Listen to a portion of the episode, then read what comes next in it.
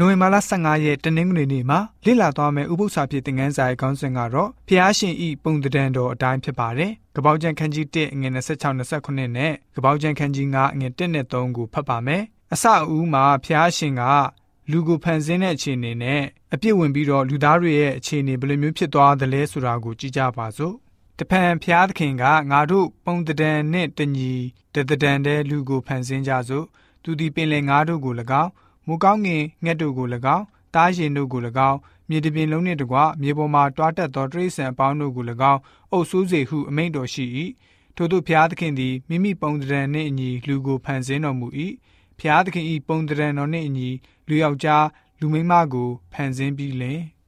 အာဒံဤတားစဉ်မြေးဆက်စရင်ဟုမူကားလူကိုဖန်ဆင်းတော်မူသောကာလ၌မိမိပုံတံနှင့်အညီဘုရားသခင်ဖန်ဆင်းတော်မူ၏ အာဒန်သည်အသက်130ရှိသောမိမိပုံတံနှင့်တညီတတံတဲ့တားကိုမြင်ရ၍ရှေတအမည်ဖြင့်မဲ့လေဤဆိုပြီးတော့ဖော်ပြထားပါတယ်။ဖျားသခင်ရဲ့ပုံတံတော်နဲ့အညီဆိုတဲ့စကားစုကိုလူတွေနှစ်ပေါင်းရာစုနှစ်များစွာအ내ဖွင့်လေ့လာကြပါတယ်။ပထမငကိုမူလလူရဲ့ပုံတံကိုဘယ်လိုမျိုးဖန်ဆင်းခဲ့သလဲ။ဥပမာဖျားရှာဆိုလို့ရှိရင်မှန်ကိုကြည့်ပြီးတော့လူရုပ်ကိုသူနဲ့မတူမချင်းဖန်ဆင်းခဲ့တာမျိုးဖြစ်ပါသလားဒါမှမဟုတ် လူတတဝါဟာအခြားအခြားသောတတဝါတွေထက်ဖျားရှင်ရဲ့ပုံတံတော်နဲ့ပို့ပြီးတော့တူညီတာကိုဆိုလိုပါသလားဒါမှမဟုတ်လူဟာဝိညာဉ်အရာအတိညာဉ်အရာမိမိကိုဖန်ဆင်းတဲ့အရှင်နဲ့တူညီတာကိုဆိုလိုပါသလား အဲ့ဒီအရာတွေနဲ့ပတ်သက်ပြီးတော့နှုတ်ကပတ်တော်ကနေရှင်းလင်းထားခြင်းမရှိပါဘူးကျမ်းစာလေ့လာတဲ့ပုံကိုယ်တွေကလည်းပဲအဲ့ဒီအဓိပ္ပာယ်ရဲ့အဖြေကိုဂဂနနအဖြေပေးနိုင်စွမ်းမရှိပါဘူး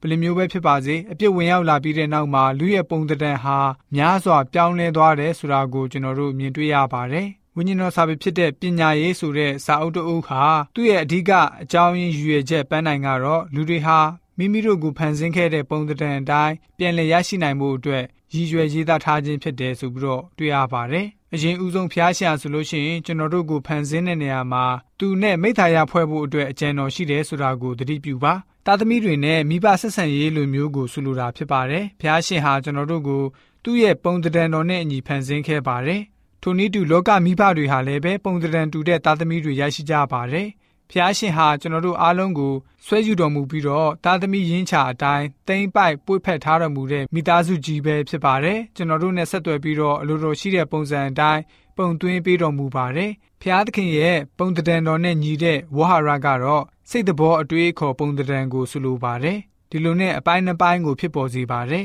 ဖျားနဲ့လူသားအရာနှစ်ခုကိုပေါင်းဆက်ထားပါတယ်အတွေးခေါ်ခံယူချက်စိတ်တဘောကိုပေါင်းထားပါတယ် အဲ့လိုပဲပညာရေးစနစ်မှာပေါင်းဖက်ထားဖို့လိုပါတယ်ပထမဆုံးအိမ်တော်မှာဆိုလို့ရှိရင်မိဘနဲ့သားသမီးတွေရဲ့ဆက်ဆံရေးနဲ့နောက်ပိုင်းကျောင်းစာသင်ခန်းကနေဆရာဆရာမတွေနဲ့တပည့်တွေရဲ့ဆက်ဆံရေးဆိုတဲ့ပညာရေးစနစ်ကိုတိစောက်ထားပါတယ်။ထာဝရဘုရားဟာပညာရေးစနစ်ကိုအချက်အလက်ပြည့်ပြည့်စုံစုံနဲ့တည်ထောင်ထားရှိတဲ့အကြောင်းကျွန်တော်တို့သိရှိပြီးဖြစ်ပါတယ်။လောကီပုံသဏ္ဍာန်နဲ့ကွဲပြားစေတဲ့ပုံစံများစွာရှိနေပါတယ်။ဘုရားရှင်ဟာကျွန်တော်တို့ကိုသူ့ရဲ့ပုံသဏ္ဍာန်နဲ့ဖန်ဆင်းတော်မူပါတယ်။ သူ့ရဲ့အထံတော်ကနေကျွန်တော်တို့ကိုသင်ယူနိုင်မဲ့အကြောင်းနဲ့ဖျားရှင်ဟာကျွန်တော်တို့ကိုသင်ကြားပေးစေနိုင်မဲ့အကြောင်းရည်ရွယ်ထားပါတယ်။ဖျားရှင်ရဲ့ပုံတံတော်ကျွန်တော်တို့ရဲ့အထဲမှာရောင်ပြန်ဟက်စေတဲ့အထိဖြစ်စေရပါမယ်။ကယ်တင်ချင်းစီမံကိန်းမှာဖန်ဆင်းခြင်းကနေလူသားဇာတိခံယူတဲ့အထိပညာရေးစနစ်ရဲ့တွင်တင်တဲ့အရာတွေကိုတွေ့ရမှာပဲဖြစ်ပါတယ်။ပြီးတဲ့နောက်မှာလူဇာတိခံယူခြင်းကနေအသက်တဖန်ပြန်လဲဖန်ဆင်းတဲ့အထိအဲ့ဒီကာလတစ်လျှောက်လုံးမှာ